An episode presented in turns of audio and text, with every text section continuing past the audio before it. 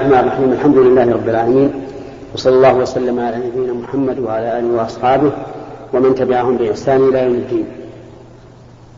أما بعد فهذا هو المجلس الرابع والثمانون من لقاء الباب المفتوح والذي يتم كل خميس من كل أسبوع. وهذا هو الخميس الرابع من شهر شعبان عام خمسة عشر وأربعمائة وألف.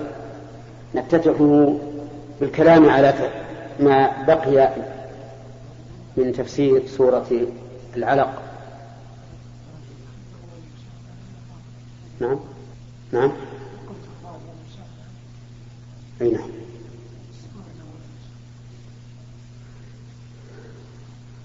وش وقفنا عليه؟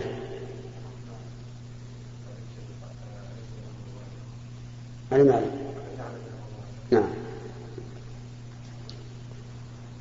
قال الله تبارك وتعالى أرأيت الذي ينهى عبدا إذا صلى أرأيت إن كان على الهدى أو أمر بالتقوى أرأيت إن كذب وتولى ألم يعلم بأن الله يرى.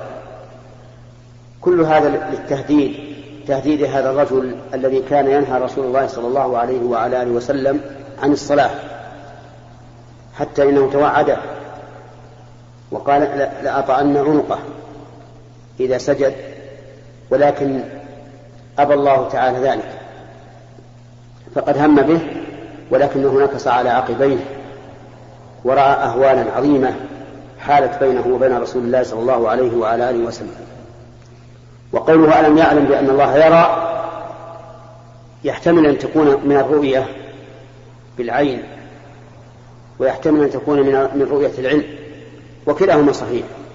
فالرب عز وجل يرى بعلمه ويرى ببصره جل وعلا. لا يخفى عليه شيء في الأرض ولا في السماء.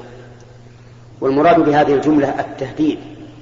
يعني ألم يعلم هذا الرجل أن الله تعالى يراه ويعلمه وهو سبحانه وتعالى محيط بعمله فيجازيه عليه إما في الدنيا وإما في الدنيا والآخرة. ثم قال كلا لئن لم ينتهي لنسفعا بالناصية. كلا هذه بمعنى حقا ويحتمل أن تكون للردع أي لردعه عن فعله السيء الذي كان يقوم به تجاه رسول الله صلى الله عليه وعلى وسلم.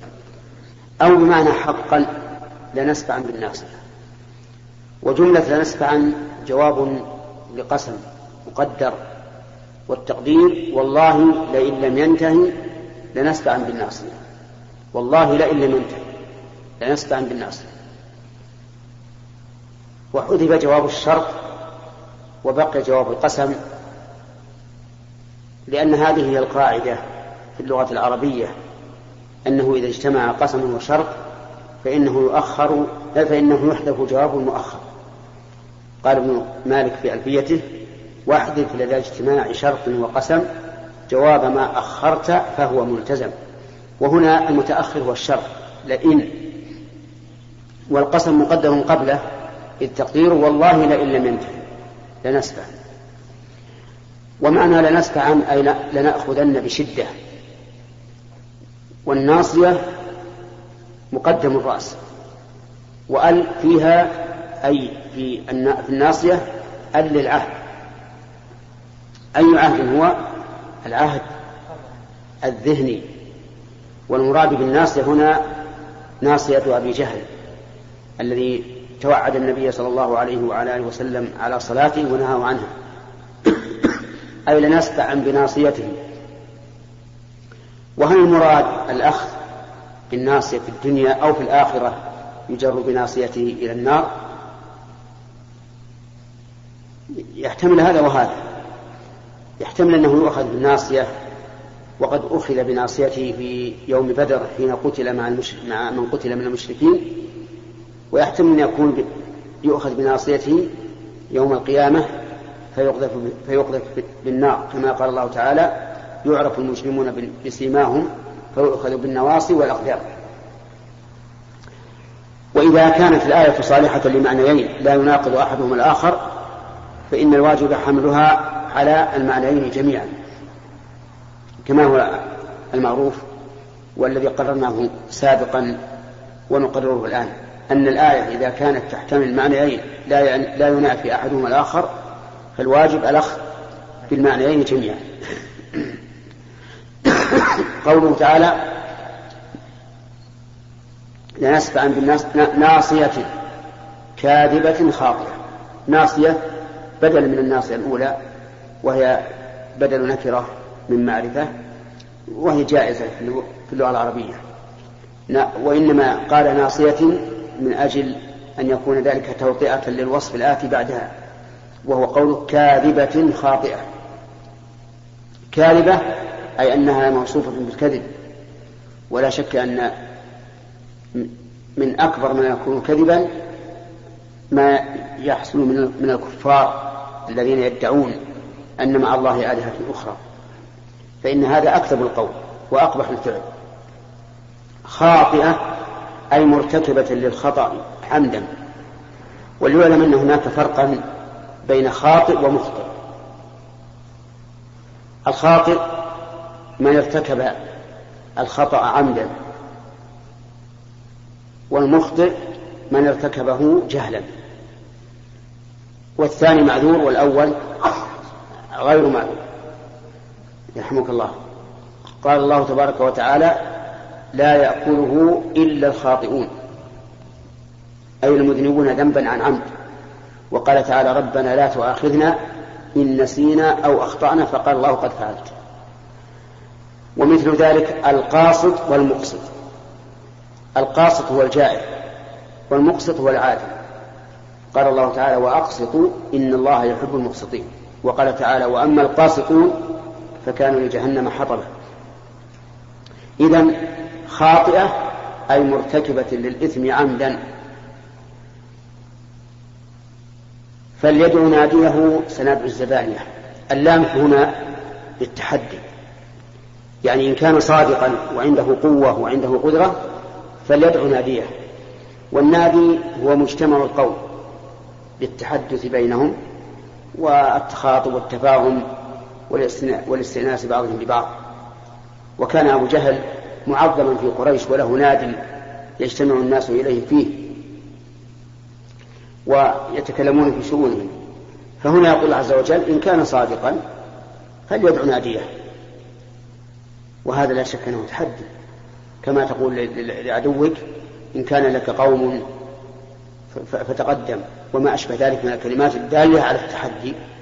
قال سندعو الزبانية يعني عندنا من, من هم أعظم من نادي هذا الرجل وهم الزبانية ملائكة النار. نسأل الله العافية. وقد وصف الله تعالى ملائكة النار بأنهم غلاظ شداد. غلاظ في الطباع شداد في القوة. لا يعصون الله ما أمرهم بل يمتثلون كل ما أمرهم الله به. ويفعلون ما يؤمرون لا يعجزون عن ذلك. فوصفهم بوصفين. أنهم في تمام الانقياد لله عز وجل لا يعصونه ما لا يعصون الله ما أمرهم وأنهم في تمام القدرة ويفعلون ما يؤمرون. وعدم تنفيذ أمر الله عز وجل إما أن يكون للعجز وإما أن يكون للمعصية. فمثلا الذي لا الذي لا يصلي الفرض قائما قد يكون للعجز وقد يكون للعناد فهو لا ينفذ أمر الله. لكن الملائكة الذين على النار ليس عندهم عجز عندهم قوة عندهم قدرة وليس عندهم استكبار عن الأمر بل عندهم تمام التذلل والخضوع. هؤلاء الزبانية إذا لا يمكن لهذا وقومه وناديه أن يقابلوهم أبدا. ولهذا قال سندعو الزبانية. فان قال أين الواو في قوله ندعو؟ قلنا إنها محذوفة لالتقاء الساكنين. لأن الواو ساكنة والهمزة همزة الوصل ساكنة وإذا التقى ساكنان فإنه إن كان الحرف صحيحا كسر وإن كان غير صحيح حذف. قال ابن مالك رحمه الله في الكافية إن ساكنان التقى يكسر ما سبق وإن يكن لينا فحذفه استحق يعني إذا التقى ساكنان إن كان الحرف الأول صحيحا ليس من حروف العلة كسر. مثل قوله تعالى لم يكن الذين كفروا. وأصلها لم يكن لأن لم إذا دخلت على الفعل جزمته كما في قوله تعالى ولم يكن له كفوا أحد. لكن هنا التقى ساكنان وكان الحرف وكان الأول حرفا صحيحا فكسر. أما إذا كان الأول حرف لين يعني حرف من حروف العلة فإنه يحذف كما في هذه الآية سندعو الزبانية. كلا لا تطعه واسجد واقترب. يقال في كلا ما قيل في, في الأولى التي قبلها والخطاب في قوله لا تطعه أي لا تطع هذا الذي ينهاك عن الصلاة. بل اسجد ولا تبالي به. وإذا كان الله نهى نبيه أن يطيع هذا الرجل فهذا يعني أنه جل وعلا سيدافع عنه. يعني افعل ما تؤمر ولا يهمنك هذا الرجل. واسجد لله عز وجل والمراد بالسجود هنا الصلاة لكن عبر بالسجود عن الصلاة لأن السجود ركن في الصلاة لا تصح إلا به فلهذا عبر بها عبر به عنها. وقوله اقترب أي اقترب من الله عز وجل لأن الساجد أقرب ما يكون من ربه كما قال ذلك رسول الله صلى الله عليه وعلى آله وسلم حيث قال أقرب ما يكون العبد من ربه وهو ساجد. وقال عليه الصلاة والسلام ألا وإني نهيت أن أقرأ القرآن راكعا أو ساجدا. فأما الركوع فعظموا به الرب وأما السجود فأكثروا فيه من الدعاء. فقمن أن يستجاب لكم أي حري أن يستجاب لكم. هذه السورة العظيمة كما سمعناها سورة عظيمة ابتدأ الله تعالى بما من الله به على رسوله عليه الصلاة والسلام من الوحي ثم اختتمها بالسجود والاقتراب من الله عز وجل. نسأل الله تعالى أن يرزقنا وإياكم القيام بطاعته والقرب منه وأن يجعلنا من أوليائه المتقين. وحزبه المفلحين وعباده الصالحين. إنه جواد كريم وإلى الأسئلة.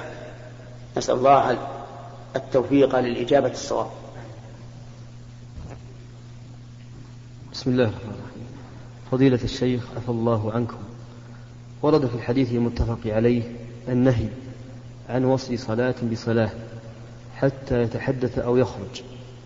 فهل الذكر الوارد بعد الصلاة يقوم مقام الحديث؟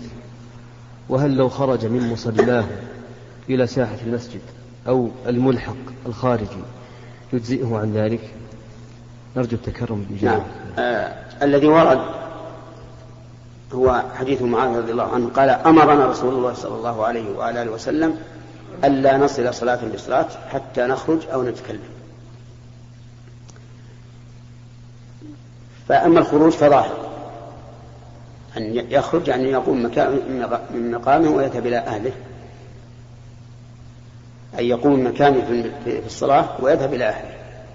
وأما الكلام فقيل المراد بالكلام هنا كلام الآدميين لأنه هو الذي يحصل به التمييز بين الصلاتين وأن التسبيح والتهليل لا يحصل به الفصل.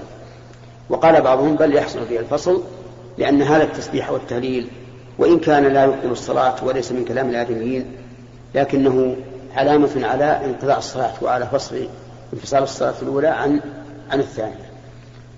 ولهذا قال الفقهاء رحمهم الله إن الأولى أن يفصل بين الفرض وسنته بكلام أو انتقال انتقال من مكانه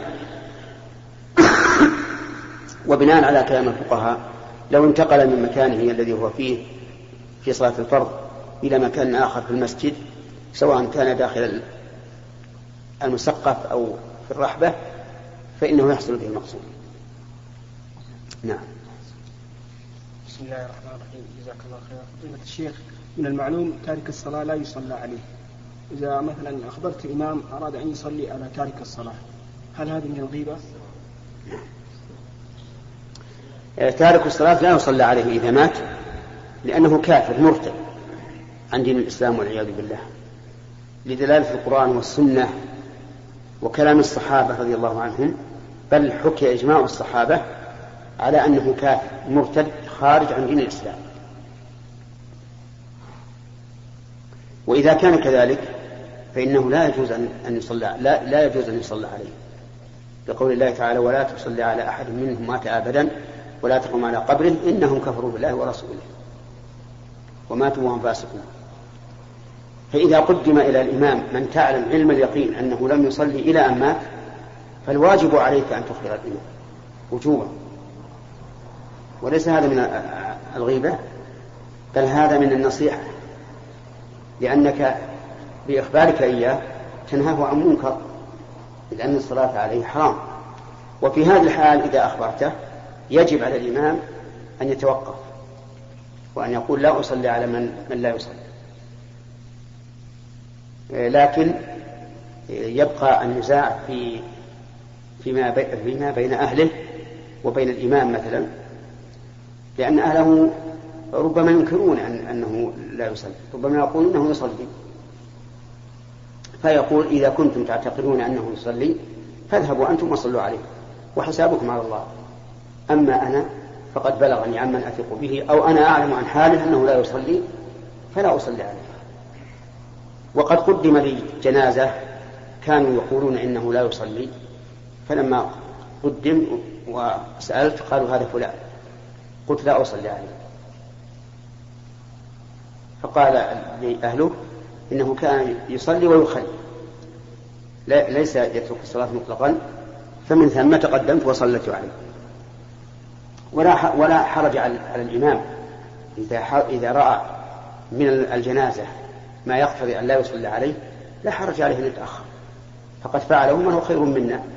فعله النبي عليه الصلاة والسلام حين قدم إليه رجل فسأل عليه دين قالوا لا. قالوا نعم ديناران. ولم يكن له وفاء. فقال صلوا على صاحبكم. وتأخر. حتى عرف ذلك في وجوه القوم.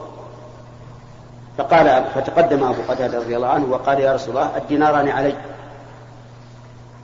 فلما استثبت النبي صلى الله عليه وسلم من أبي قتادة وأنه ملتزم بهما تقدم وصلى. عليه فهو قد ترك يعني ترك انصرف أن يصلي عليه لأنه وجد فيه ما يقتضي أن لا يصلى عليه.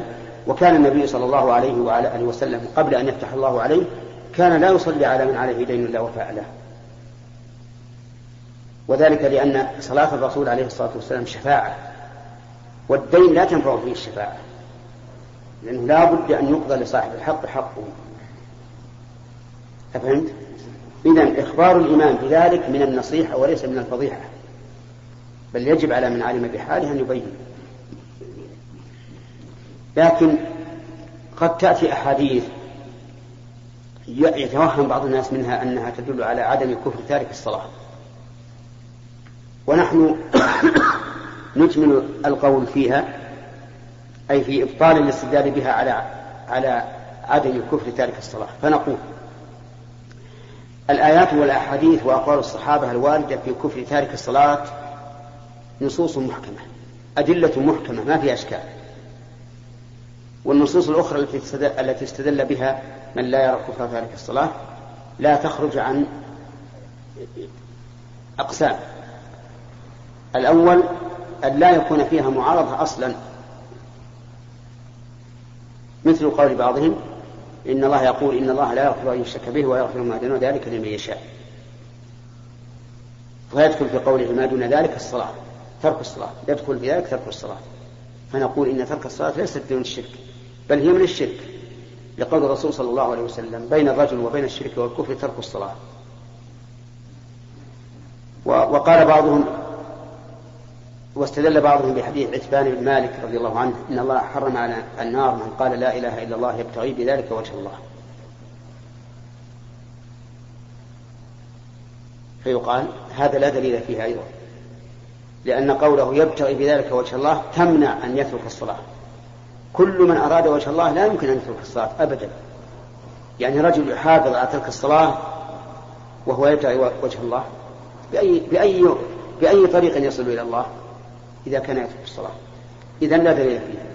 واستدل بعضهم بحديث الشفاعة أنه يخرج من النار من لم من لم يعمل خيرا قط. فيقال هذا عام. لم يقل الرسول من لم يصلي. ونصوص كفر كفر تارك الصلاة خاصة. والقاعدة الأصولية أن الخاص يقضي يقضي على العام. أما لو لو جاء في الحديث أنه خرج وهو لم يصلي لله, صلاة لكان هذا واضح. لكان واضحا ويجب أن تحمل النصوص الأخرى على أنها لا تكفر كفرا مخرجا عن الملة لكن يقول لم يعمل خيرا وخير هذه نكرة في سياق الشرع في سياق النفي فهي عامة والعام يقيد يخصص بالخاص. واستدل بعضهم بحديث صاحب البطاقة الذي أخرجه الترمذي أنه يؤتى ببطاقة فيها بسم الله فيها لا إله إلا الله فترجح بالسيئات. قالوا وليس فيها ذكر الصلاة. فيقال وليس فيها آه، أن ذكر الصلاة لا إثباتا ولا نفيا فيبقى هذا الحديث عاما ويخصص بالصلاة. وهناك أحاديث ضعيفة استدلوا بها والأحاديث الضعيفة لا تقاوم الأحاديث الصحيحة فليست معارضة. لأنها غير قائمة فلا تكون مقاومة. والخلاصة أن القول الراجح الذي ندين الله به والذي نعتمد فيه على كتاب الله وسنة رسوله صلى الله عليه وعلى آله وسلم أن من ترك الصلاة فإنه كافر كفرا مخرجا عن الملة وأنه أسوأ حالا من اليهود والنصارى. لأن اليهود والنصارى يقرون على دينهم حسب ما تقتضيه الشريعة بالجزية وأما هذا فلا يقر على دينه. هذا يقال إما أن تصلي وإلا قتلناك لا يمكن أن تبقى على الأرض وأنت لا تصلي هذا الواجب. فنسأل الله أن يهدينا وإياكم صراطه المستقيم. نعم. بالنسبة للكتيبات اللي فيها الدعاء مكتوب بالجمع. هل نحولها إلى المفرد إلى واحد بيدعي إلى واحد؟ أي جمع. اللهم اهدنا فيمن هديت وعافنا فيمن عافيت. واحد بيدعي لوحده يعني. لا هو حديث القنوت اللي تذكر. القنوت. اللهم اهدني فيمن هديت بالإفراد. لكن إذا كان إذا كان إماما فهو يدعو لنفسه ولغيره. لا واحد لوحده ولذلك قال قال شيخ الإسلام ابن تيمية إذا دعا الإمام بدعاء عام يؤمن عليه المأموم وخص نفسه به فهو خائن. خائن للذين وراءه. مثلا أفرض أنك إمام. تقول اللهم اهدني فيمن هديت. وهم يقولون آمين. هل دعوا لأنفسهم؟ نعم. أسألك. اصبر يا أخي أجبني بس. دعوا لأنفسهم.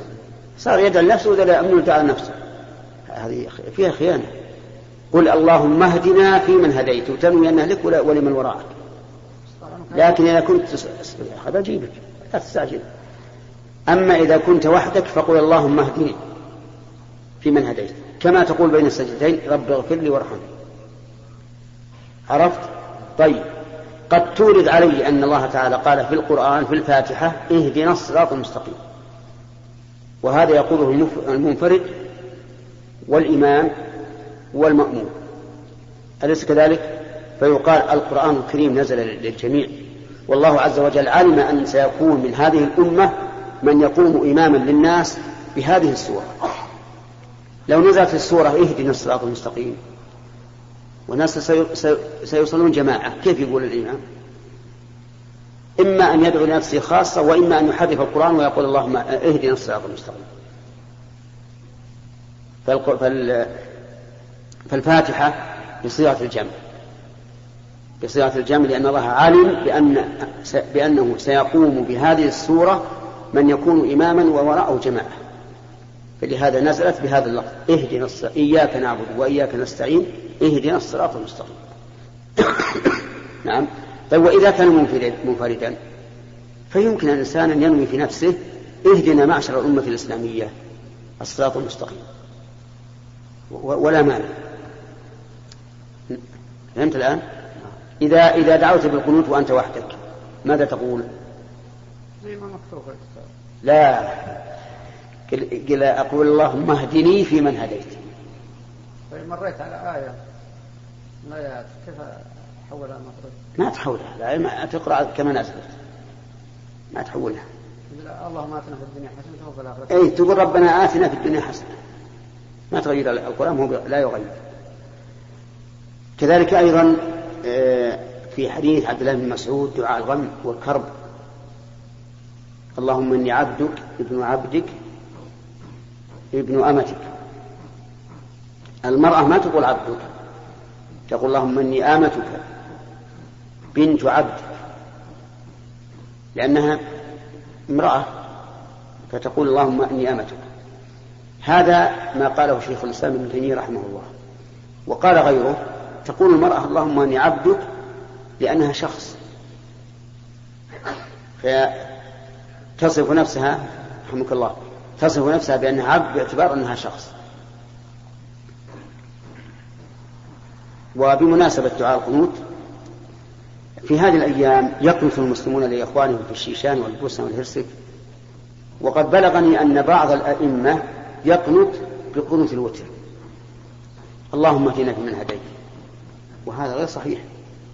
هذا جهل. لأن قنوت النوازل خاص بالنوازل وعلى هذا فتدعو لله عز وجل بالنصر بالشيشان والبوسنة والهرسك وبخذلان أعدائهم الذين اعتدوا عليهم. ولا تدعو بقنوت الوتر أي نعم. فضيلة الشيخ أثابك الله بالنسبة لبعض الطلاب الذين تخرجوا شهادات كانوا غشوا بها في الفصول الدراسية سواء كان في السنوات الأولى في المتوسطة وبعضها في الجامعة في الشهادة النهائية. فما هو حكم هذه الشهادة؟ هل يجوز له أن يتوظف بها؟ وماذا يعمل؟ وبعضهم يقول أنا غش في المتوسط لكن إذا جيت آخر سنة ما أغش بها حتى تكون شهادتي حلال. فما ردكم على هذا وتوجيهكم؟ توجيهنا في هذا الأمر أن يتقي الإنسان ربه وأن لا يخرج من دائرة الأمة الإسلامية بهذا العمل الشنيع. لأن هذا ليس من عمل المسلمين. الغش ليس من عمل المسلمين. ولهذا قال النبي صلى الله عليه وعلى آله وسلم من غشنا وفي لفظ من غش فليس منا فتبرأ النبي عليه الصلاة والسلام منه. وهذه البراءة ليست براءة مطلقة بمعنى أن من غش فهو كافر. لكنها براءة مقيدة أي ليس منا في هذا العمل. فهذا العمل يتبرأ منه كل مسلم. ومن غش في الشهادات التي قبل النهائية فهو آثم ويكفي أن يتوب إلى الله عز وجل مما صنع وأن يحذر من يقتدي به في هذا العمل. وأما إذا كان في, في الشهادة التي يترتب عليها الوظيفة فهذه مشكلة ولا بد من حلها حلا جذريا. فإذا كان العمل المنوط به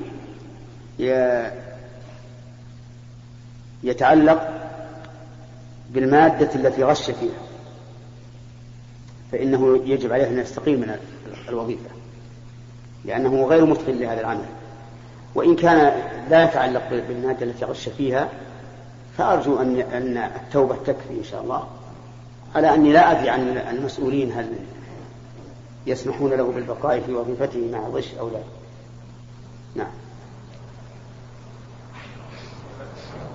فضيلة الشيخ يقول الله تبارك وتعالى ولله على الناس حج البيت من استطاع إليه سبيلا وقد نقل عن الصحابة أنهم كانوا يرون كانوا لا يرون عمل تركه كفرا إلا الصلاة. فكيف نوجه هذه الآية؟ قوله ومن كفر. إيه ومن كفر. ومن كفر فإن الله غني عن نعم. توجيه هذه الآية على أحد وجهين. إما أن يقول. إما أن يقال بأن من لم يحج فهو كافر. كما قال كما قال ذلك بعض السلف. وأن ترك الحج مع القدرة عليه كفر كترك الصلاة. وهذا مروي عن الإمام أحمد أيضا رحمه الله. فإن عنه رواية أن من ترك الحج فهو كافر. وعلى هذا فلا إشكال. وأما على رأي الجمهور وهو الوجه الثاني فوجهنا الكفر هنا بأنه كفر عملي. يعني أنه لا يخرج من الإسلام. وأنه كقوله صلى الله عليه وسلم اثنتان في الناس هما بهم كفر الطعن في النسب والنياحة على الميت. ومعلوم أن الطعن في النسب لو سبيت الإنسان بنسبه أو ناح نائح على ميت أن هذا ليس كفرا مخرجا عن الملة. فيحملون هذا على أنه كفر كفر دون عملي أي ليس كفرا مخرجا عن الملة. ويؤيد هذا قول عبد الله بن شقيق رحمه الله وهو من التابعين المعروفين كان أصحاب رسول الله صلى الله عليه وعلى آله وسلم لا يرون شيئا من المال تركه كفر